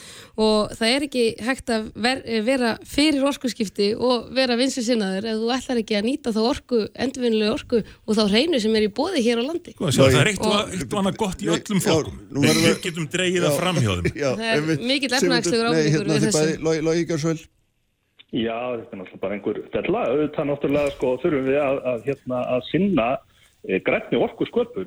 En við mögum heldur ekki gleyma því að við nýtum orkun okkur ekki nógu vel. Við sóum henni, það eru heldur 20-30% orkusóun bara í íbúarhúsna á Íslandi vegna sem við vanist því að það kosti svo lítið að kynna upp með hittavitu. Við þurfum að laga svo leiðslut, það er fara að hefða okkur betur. Við þurfum auðvitað að hérna, gráðast í bara stórkostleg orkuskipti bara í hérna, byrjuðaflótanum okkar og við þurfum að sjá til þess að orkuflutningar milli landsluta séum með þeim hætti að við, við getum raunverulega nýtt orkun okkar sem best. En við höfum auðvitað alltaf að horfa til nýra og spennandi og grætna lausna og ég held að við gleymum því oft að þessar alvöru aðgerið sem við þurfum að ráðast í, í blokklasmálum er einmitt ekki spurningum einhverja fórnir sem þjóðin er að færa. Þetta eru spurningum að nýta sér tækifæri á sviði mentunar og atvinnu fyrir ungs fólks sem að mun skapa okkur stórkostli lífsgæði. Þannig við höfum að fara brosandi inn í hérna þessa framtíð sem blokkar og þar vona ég að við sem flestir flokkar getum saminast um alvöru aðgerið. Já, það vantaði bara orku í að hérna Áhvert að samfélkingi sé hætt við að draga úr neyslu og ætla að leysa orkum og, og umhverfismálun án þess Já, þetta græna orkubyltingin sem talaði um Hvað segir Lógi? Nei, ég var nú einmitt að segja það að við þurfum að huga bæði að orku öflun en við þurfum líka að huga að neyslu okkar. Og við höfum uh, tekið staðið okkur nú vel þar á öllum Draga úr neyslu, úr lífskeðum og lausnindar sem þessar eru þetta, lausnindar eru magnaðar sem eru að fæðast í engagerunum, í orkumálunum. Bara efnast að fólki fá eiga bíl og fara til útlanda. Þetta verður eins og 1940 en Carpfix er líka magnaverkefni það er í ofnbæra gerunum það er ábyrða hlutur þegar við stöndum fram við fyrir svona gríðarlega mikilvægu verkefni sem að þjóðir heimst þurfa að sinna saman í alþjóðluðu samstarfi að vera með þessar ræðu þar sem þú ert að hræða fólk þar sem þú ert að næra óta í staðin fyrir að vera eins og maður og takast á þetta verkefna síni. Lógi, þetta er bara það sem er að gerast nú þegar. Það er alltaf verið að hækka græna skatt og setja á nýja og svo heyrum við frá ykkar fólk ekki hvað síst að það sé ekki nærri því nóg að gert í því að skatleggja fólk fyrir að vera að fara leiðar sinnar á, á eigin bíl. Mér er sér sjálfstæðisflokkurinn að álutaðum það að gæra ekki að lækka græna skatta. Þannig að þú serði í, í hvað stefnir að þetta verði bara þannig að við draugum úr losun með því að draga úr lífsgæðum í stað þess að draga úr losun með því að framleiða meira og nýta umhverjusvæðinu orkuna hér. Er þetta ekki þannig sem myndur að komlastöðnir í OECD og alls vegar gældur í svonum allir hafa hérna, dásamað einmitt þessa grænu skatta sem hérna góða leið. Skamstafanetnan eins og ég kallaði það þegar einhvern tíman var eiga við á Mikilvægst eru þetta bara Þeir eru nú ekki alltaf hreinuð þarna en, en, en þessi, þessi alltjóðafélagur svona deildaskipt og það er einhverju aktivista sem að senda einhver frá sig Græni skattar eiga alltaf að vera tímabundið úr að því og eiga hætta um leið og kolumnislutleysi hefur verið náð. En við hefum miklu frekar að líta til ívalinana og jákvæðara kvata í þessum fyrir atvinnlíf og einstakleika svo við fáum fólk og fyrirtæki með okkur. Og við erum að sjá svo magnaðar hluti gerast svo víða uh, í þessu málu með að binda kólefni og leita lausna í þessu og það gerum við ekki bara með skattpíningu. Lagi, þú maður þegar síðust orðin hérna. Nei, nei, það er sko, það er alls ekki sko rétt að, að nálgast þessa hluti með því að skattina fólk. Eh, skattar eru stundum annað orð yfir fjárfestingu. Með því að eh, saminast um það að borga hólegt gjald af tekjum okkar til samnæslunar þá erum við að fjárfæst í mentu, við erum að fjárfæst í heilbriðiskerfi, við erum að fjárfæst í hérna, samgöngum og nú ætlum við að fjárfæsta í betri framtíð fyrir börnun okkar. Þannig að þó svo að tímabundar álugur uh, falli á okkur vegna þess að við notum jæfnvel bílin okkar kannski bara óhóflega, þá munum þeir peningar nýtast í annars konar uppbyggingu sem eru til þess ætlaður að búa okkur betri framtíð.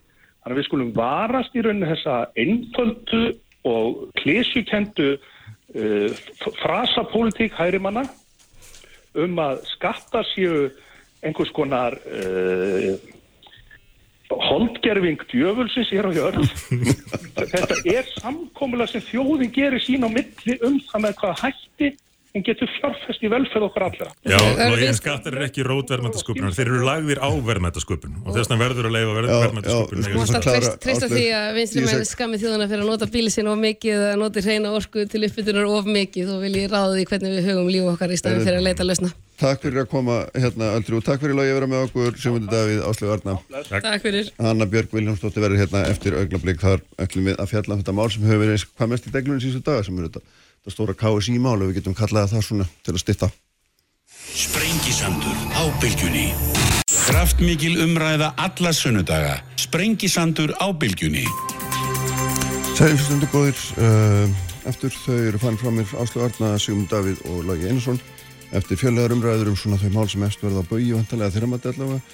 Og það kom kannski ekki margt nýtt fram í því þetta heilbríðsmálinn, lofslagsmálinn, þetta er nú það sem að svona hefur allavega verið eftir að bauði þessum framir, þessum afir þessari kostningabarótun og ég ætla að fara hér yfir allt annað mál sem hefur reyndar verið gríðarlega umrætt uh, síðustu daga, vikur á kannski sérstaklega á samfélagsmyndum en mjög mikið komið inn í hefðbund að frétta mér líka það er auðvitað þessi ábeldismál sem að tengjast knastbunni saman í Íslands eða öllu heldur ákveðnum leikmönnum kalla landslýsins í knastbunnu og þetta eru hérna þarna vellur upp eitthvað sem að maður hefur nú svo sem ekki alveg smekk fyrir sérstaklega verðið nú að viðkjanna en hérna Hannabjörg Viljámsdóttir er hérna hjá mér. Sælblessuðu velkomin. Sæl, takk. Þú hérna, sko ég býst við að ég og þó ég sé ekki vel að mér þessum heimi að þá, þá hérna þá hann búin að heyra alls konar sögur í nokkur ár. Og þær voru einhvern veginn þannig að það lágu alltaf undir yfirborðinu en þú daldi svona stekst hressilega fram hérna í grein á vísi og, og hérna fullirtir um þessi mál og þau væru til og, og það var svona nýnálgun, Kási svaraðir og, og þú hérna. Já, svörum samt eiginlega ekki, sko, já, já, áhorfðum ok, ekki. góðu. En, en, hérna, þú svaraði þeim aftur og það Já. sem ég varst þá áhugavert í því að því að við erum konaðist lengra þessu er að þú bara hérna, fullirtir þá þegar að fórista knastmyndi samantins væri að hilma yfir mál sem þau vissu um. Og það hefur síðan komið á, Já. á daginn að mér stúrst einhverjum hluta. Já, algjörlega og hérna, sko, það sem er áhugavert er að ég vissi ekki um mál Þórhildar sem Nú, að já. steg fram á föstaskvöldi þegar ég fór að stað. en þú vissur um önnur mál það eitthvað Já, ég veit um önnumál. Og þau eru uh, sko svífyrðileg.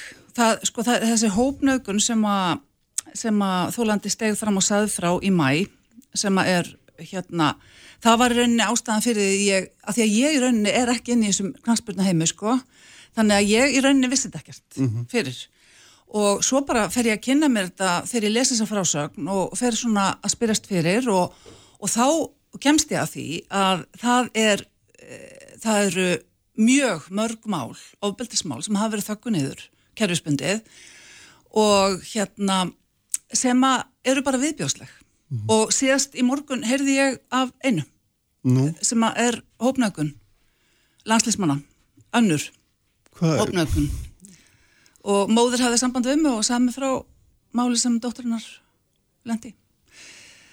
nýlegu eða, eða? Já, það er, það er ekki mjög gamalt. Nei. Það er nokkur ára. Ég ætla ekki að segja, sko, ég veit hvenar það er Já, já, og ég veit hverju gerandin er, en það er bara eins og það er, sko. Menningin okkar er þannig að þólendur, skilur, get ekki stigið fram. Þeir eiga að hættu á því að vera fjárkúðar að lögfræðingum, geranda, og útrópaðir eins og sko Þóreldur er til dæmis að lenda í núna einhverju maskinu á, á, í kommentarkerunum og það er algjörlega ótrúlegt að við erum að gera þetta ennþá. Ennþá erum við með svona fjandsamlegt andrúnslöft gagvart þólendum en það er, það er í því máli er náttúrulega er ekki ekki einu sinni deilt um það hvort það mál gerðist og hvernig það var Nei, því það þá- búið að samþykja og viðkynna og, og með þess að greiða fyrir það sérstakka bæti nákvæmlega, en enn halda hérna rattirnar áfram sem að reyna að draga úr trúveruleikanar og, og hérna að krafsa í hérna mannarðunar mm. og trúveruleika skilur þannig að hérna En þú, þú nefndir hérna áðan sko þetta dæmi um, um þessa hérna þessa færslu á Instagram sem að hérna, er allt í lagi nefna nafni hennar önnumari því hún Já. nefndi, gerði það undir nafni sjálf Já. en hún nafngreindi þar engan Nei. og það var ekki, minnst ástu held ég að svona utanakomandi hef ekki getað lesið sér sérstaklega til um að þetta væru knarsmyndmenn nei, en þú fullir það, já, já, já, ég veit alveg hverju þetta eru. En þú veist það bara. Já, já, já, já, ég veit alveg hverju þetta eru sko. en af hverju eru nafn þeir ekki nefnt það ef, að- þú og sérstaklega þá margir aðrir bara vita þetta en einhverja gæslepa sko, já, vegna þess að ég get átt að hættu að vera fjárkúða lögfræðingum. Og mist bara alleguna, sko, þannig að það er enginn að fara að gera það. Uh, skilur þannig að hérna en aðalatrið er sko að ég veit að KSI veit og hérna og sko þetta er náttúrulega ekki bara kynferðsbrot leikmanna, sko KSI er náttúrulega bara, held ég bara mjög spilt apparat sko En Og þú, það- það... þú sérst segir við mig núna, ég veit að KSI veit af þessu málu. já, Til dæmis þessu sérstaka málu sem við erum að tala um. já, sko? Já, um, ég er náttúrulega hérna Þórildur, það sem var sérstakt við mál Þórildar, hún var með sko gögn sem hún gæti sínt fram. Já, já. Ég er, ég er ekki með slík gögn. Hins vegar getum við stilt, og það er bara spurning um hvaða sjónarhótt við tökum á málinn. Er, sko, er Gunni Bergson starfið sínu vaksin ef hann veit bara ekkert hvað er að gerast í kringu sig?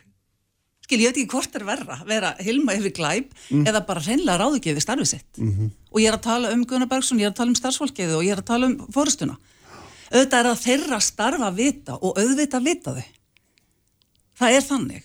Og sko það er líka mikilvægt í þessu, þessari umræðu að þó að sko spjótin standa núna á KSI að þá er þetta auðvitað samfélagslegt vandamál. Þetta er samfélagslegt mein sem að við verðum að halda áfram að tala og við verðum að tala um það þanga til að það breytist. Að hvernig kynferðisbrot eru eins og faraldur og kynferðislegur yfirgangur karla, sérstaklega valdamikilla kar karla, fræðira karla, sem að ráði ekki við fræðina, hafa ekki náðu sterk bein til þess að hérna, halda aftur af sér og, og hérna og, og taka forréttindablinduna úr hausnum á sér og á meðan að þetta bara heldur áfram og svo að þólandi get ekki stíð fram skilur, þetta er svo, þetta er svo ótrúlega surrealísk staða að við erum meðvirk með viðbjóðslegum glæpum sem að hafa svífyrðilegar ég veit ég að, að nota stóra orð mm -hmm. sko að gerir fólk sér grein fyrir því hvaða afleðingar kynferðisbrott hafa á þólendur hún Anna-Maria lísti þessu vel. Þeir tóku frá mér gleðina. Mm -hmm. hugsaði þér. Ah. hún er búin að burðast með þetta í 11 ár. Hérna enda lausa vanlíðan og þjáningar. Já. fær ekki viðkynning á brotinu og gerendurnir eru varpaðir dýrðaljóma og þetta er svo, þetta er svo svífirlegt að við hugsaum um þetta og hérna og við bara einhvern veginn bara erum að halla okkur aftur og bara svona já ok, þetta er bara óþægild til dæmis er það íþróttafrétta fólk þau vissu þetta þú veist, en samt viss, er viss um? Ég, sko, það er, það er auðvitað, annað er bara óhugsandi ég er auðvitað ekki með gögnum það, ég Nei. er það ekki það segir sér sjálf já. en er, e, bara er fólk bara með hérna, blind og hernalust eða, eða, eða er það að fylgjast með hvað er að gerast já. en það breytir því ekki að mikrofónunum og hérna sviðsljósunu er er stöðut sett aftur og aftur á þekta gerandur þekta gerandur og við vitum þetta skilur þau mm. og hugsaður hvernig það hvernig þólanda líður að vera svífirtur beittur viðbjörslu óbeldi og svo serðu gerandaðinn í hávegum hafðan og, og sveipaðu dyrðaljáma þetta er bara þetta gengur ekki lengur Nei. En hvað er þér ráð? Ég er búin að fara yfir þessa MeToo-bylgu mörgum sinnum mm -hmm. og alltaf strandar þetta á því sama, það er ekki hægt að kæra, það er, hérna, það er of erfitt, það er of langvind, réttarkerfi er á móti, mm -hmm. eða þú veist, sannanir eru ófullnægjandi og svo frammeins og hérna var alltaf Eirikur Tómasson, hæstarættadómar sem sagði að sko, það er ekki það að við teljum mannin saklusan, mm -hmm. við höfum bara ekki sannununa. Mhm. Þannig að er, það er flókið að eiga að vita. Hvernig, hvað, Já, ég held að Sko við þurfum að uh, horfast í auðvið það hvers eðlis þessi brot er og meðhandlaðu þannig að það, það, það, það gengur ekki að við þurfum vittni að nöðgunum vegna þess að það eru uh, næstuði aldrei vittni. Uh, sko við þurfum í fyrsta lagi að fara að trúa þólundum vegna þess að það eru enga líkur á því að þeir ljúi. Að það er hins vegar mjög mikla líkur á því að gerundi ljúi. Sko ég held að það sé ekki til þetta einasta dómsmál um kynferðsbrot þar sem að gerundin hefur játað. Hann hefur verið dæmdur mm. á öðrum á öðrum gognum. Eh, þannig að sko, við þurfum að hérna, við þurfum að trúa þólendum og við þurfum að líta á þessi brot sem líkansára sér og, og svíverilegt ofbeldi, kemfarsofbeldi og taka því alvarlega.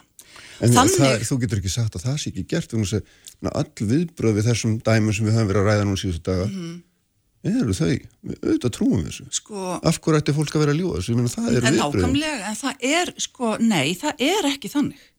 Þegar að, og Anna Maria segir það líka í fæslinu mm. sinni að hún segir, ég var farin á stað með, hérna, ég ætlaði að kæra. Ég var, ég var búin að ég var byrjað að græja það. Uh -huh. og hugsaði sásökan sem að þú, ert, þú, þú þart sko hérna, að bæta þessu ofan á, ofan á þjáninguna eftir óbeldi og hún var bara hvert hún var lött til þess að kæra, mm. að þetta væru bara ofstórir kallar og þeir væru bara með ofstórt batteri á bakvið sig skiluru og hérna þegar þú hefur ekki stöðning og þegar þú fær svona úrtölurattir að hérna, og þetta er svo mikil óverðing að þetta tekur frá þér valdið og þú getur einhvern veginn ekki, þú getur miklu síðu staði í lappirnar og, og bara kert málin áfram. Þú hefur ekki stöðning í samfélaginu. Þólendur þurfa viðkenningu uh, á ofbeldinu, við þurfum að trúa þeim og ég held að það sé svona að fyrsta sem við getum gert að taka alvarlega kynferðsbrot af því að við erum bara stöðugt að við erum bara forna stelpum og konum og alltaf frægra karla og bara frekra karla og mm -hmm. skiliru hérna En, en finnst þér í alveg að það mér er svona ekki, tökum við kynferðsbrot ekki alvarlega finnst þér að geta sagt það? Já, mér finnst ég geta sagt það Já. Já, mér finnst ég, veistu það Kristján, mér finnst ég geta sagt og mér, mér, mér finnst bara mjög vond að segja þetta en ég veit það Já ég veit, hérna, ég bara, ég veit það mikið um þennan málaflokka, ég, hérna, við, við, við, sko, hvað, veistu hvað það hefur oft verið sagt við Þólanda, býtu, erstu vissum þetta? Hérna, já, ertu vissum þetta hafi gæst langaðu þig ekki sjálf, serði ekki bara eftir því? Já. býtu allar eðilegja mannur hans skilur þú veist þannig að í andrúnsloftið er hvern fjandsamlegt þólenda fjandsamlegt Mhm. Og finnst þér, sko, þegar nú voru svona, ég veit ekki hvað er, 23 ár síðan að þú byrjaði uppalega þegar svona þessi fyrstu mál komi, finnst þetta ekkert að hafa breyst eða hvað? sko, ég veit ekki alveg Þetta var kalluð bylting, en kannski er þetta engin, ekki einu sinni breyting, eða Já, sko, Hvað finnst þér? Ég, ég held að þetta hafi nú verið sko, MeToo, þessar frásagnir sem voru náttúrulega nafnlausar þarna af öllum, úr, úr, af öllum sviðum samfélagsins, íþróttakonur meðal annars og stjórnmálakonur og auðvitað afhjúpa ákveðin veruleika sem við vitum núna að er aðna því að auðvitað náttúrulega voru ekki voru allar þessar konur að ljúa hérna, ég held að sko það er ákveðin þekking sem að er svona að sapnast upp, skilur mig sem að, og það er ákveðin svona hljómgrunnur til þess að byrja að tala um ákveðna hluti, þannig að svona umhverfi er aðeins svona kannski aðbreytast, en nekvum minn góður ekki nóg mikið, bara alls ekki. Nei. Þannig að þetta var sannlega ekki bylting. Sko, mér sko, erum við ekki farin að sjá árangurinn af byltingun ennþá. En hvað finnst þér svo, hérna, þrengjum þetta aðeins aftur og hérna niður, hvað finnst þér alltaf eins og, eins og reyfing, eins og knaspindur reyfingin? Mm Hvað á hún að gera? Hvað, hvað, hvað finnst þér að, hérna, að því að nú er ég sjálfur til dæmis formaður í knaspindild já. og, hérna, en máli kemur ekkert við hann inn leiti þannig, en, en, en sko, veist, hvað eigum við að gera? Já, Hvað- ég sko, í þér- minnst að aðeldafélagin eigi bara að gera kröfu um að þessi stjórn fari frá.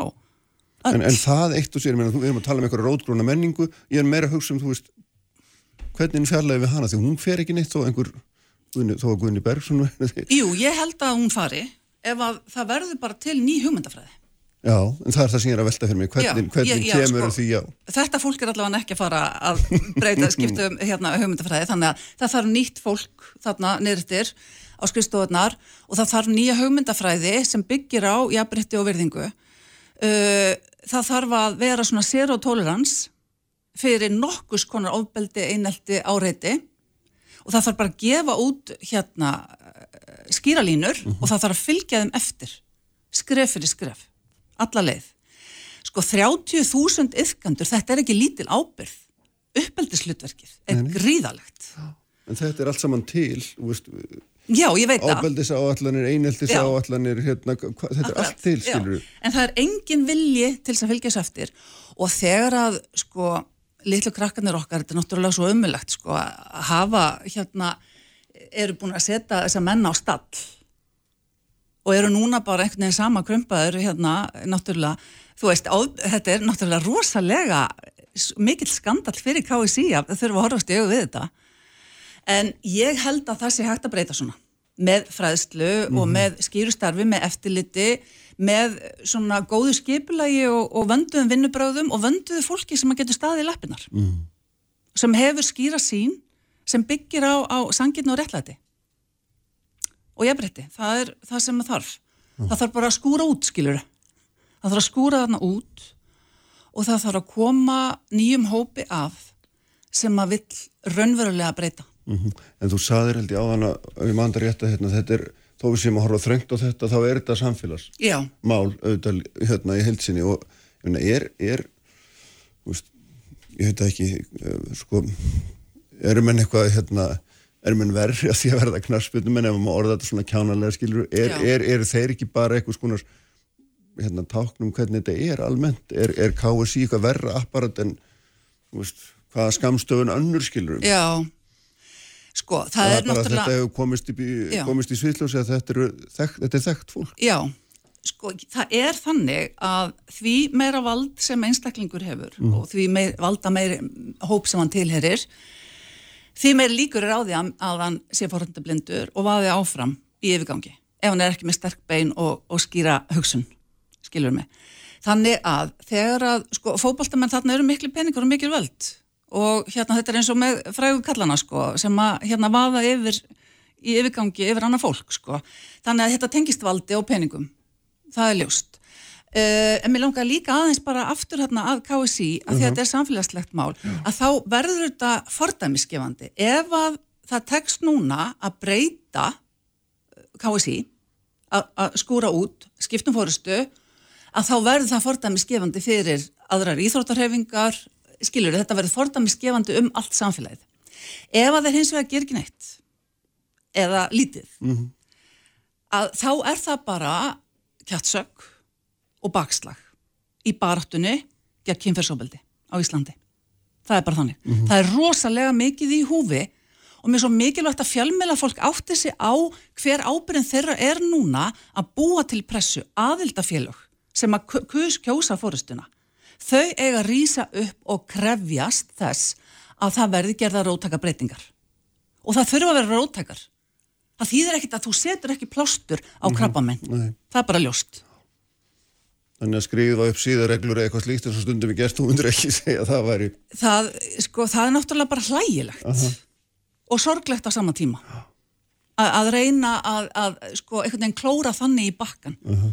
Að núna er tækifæri, fórust, fyrir fórustina að, að sína dug, hug og þor. Stiga niður, hleypa öðrum að, mm -hmm. viðurkenna þau gerðu mistök, þau reyði ekki við verkefnið og þau mun ekki gera það á, í framtíðin heldur.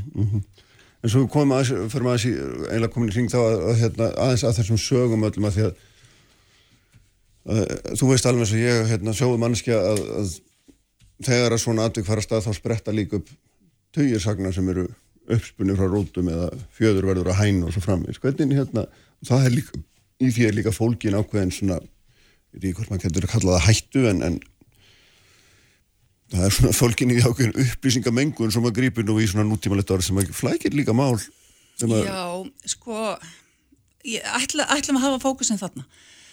Ekkert endilega, nei, bara nei, skilurðu, alveg þú veist. Já, ég veit það, þetta, þetta, svona getur þú gerst. hlýtur að heyra fullt af sögum sjálf og Já. þær eru mistrúverðar, ég trú ekki aðri Já, ég, ég, ég, ég er mjög gaggrinnin sko, Mhm. þannig að ég hérna tek ekki mark á, á hérna, ég, ég flokka algjörlega og tek ekki mark á sögursögnum en ég hins vegar trúi þólöndum það er bara þannig, þegar þólandi segir mér að eitthvað gerst, þá trú, það er bara, bara prinsip sem ég hef. Og þessar sögur sem þú ert með sjálf búin að heyra þær koma þannig sé frá þólendum að þú treystir þeim 100% algjörlega, ég, ekkit öllum. Ég, ég er búin að heyra alls konar sem að ég veit ekki nákvæmlega Mm. og ég myndi heldur ekki tafa eftir.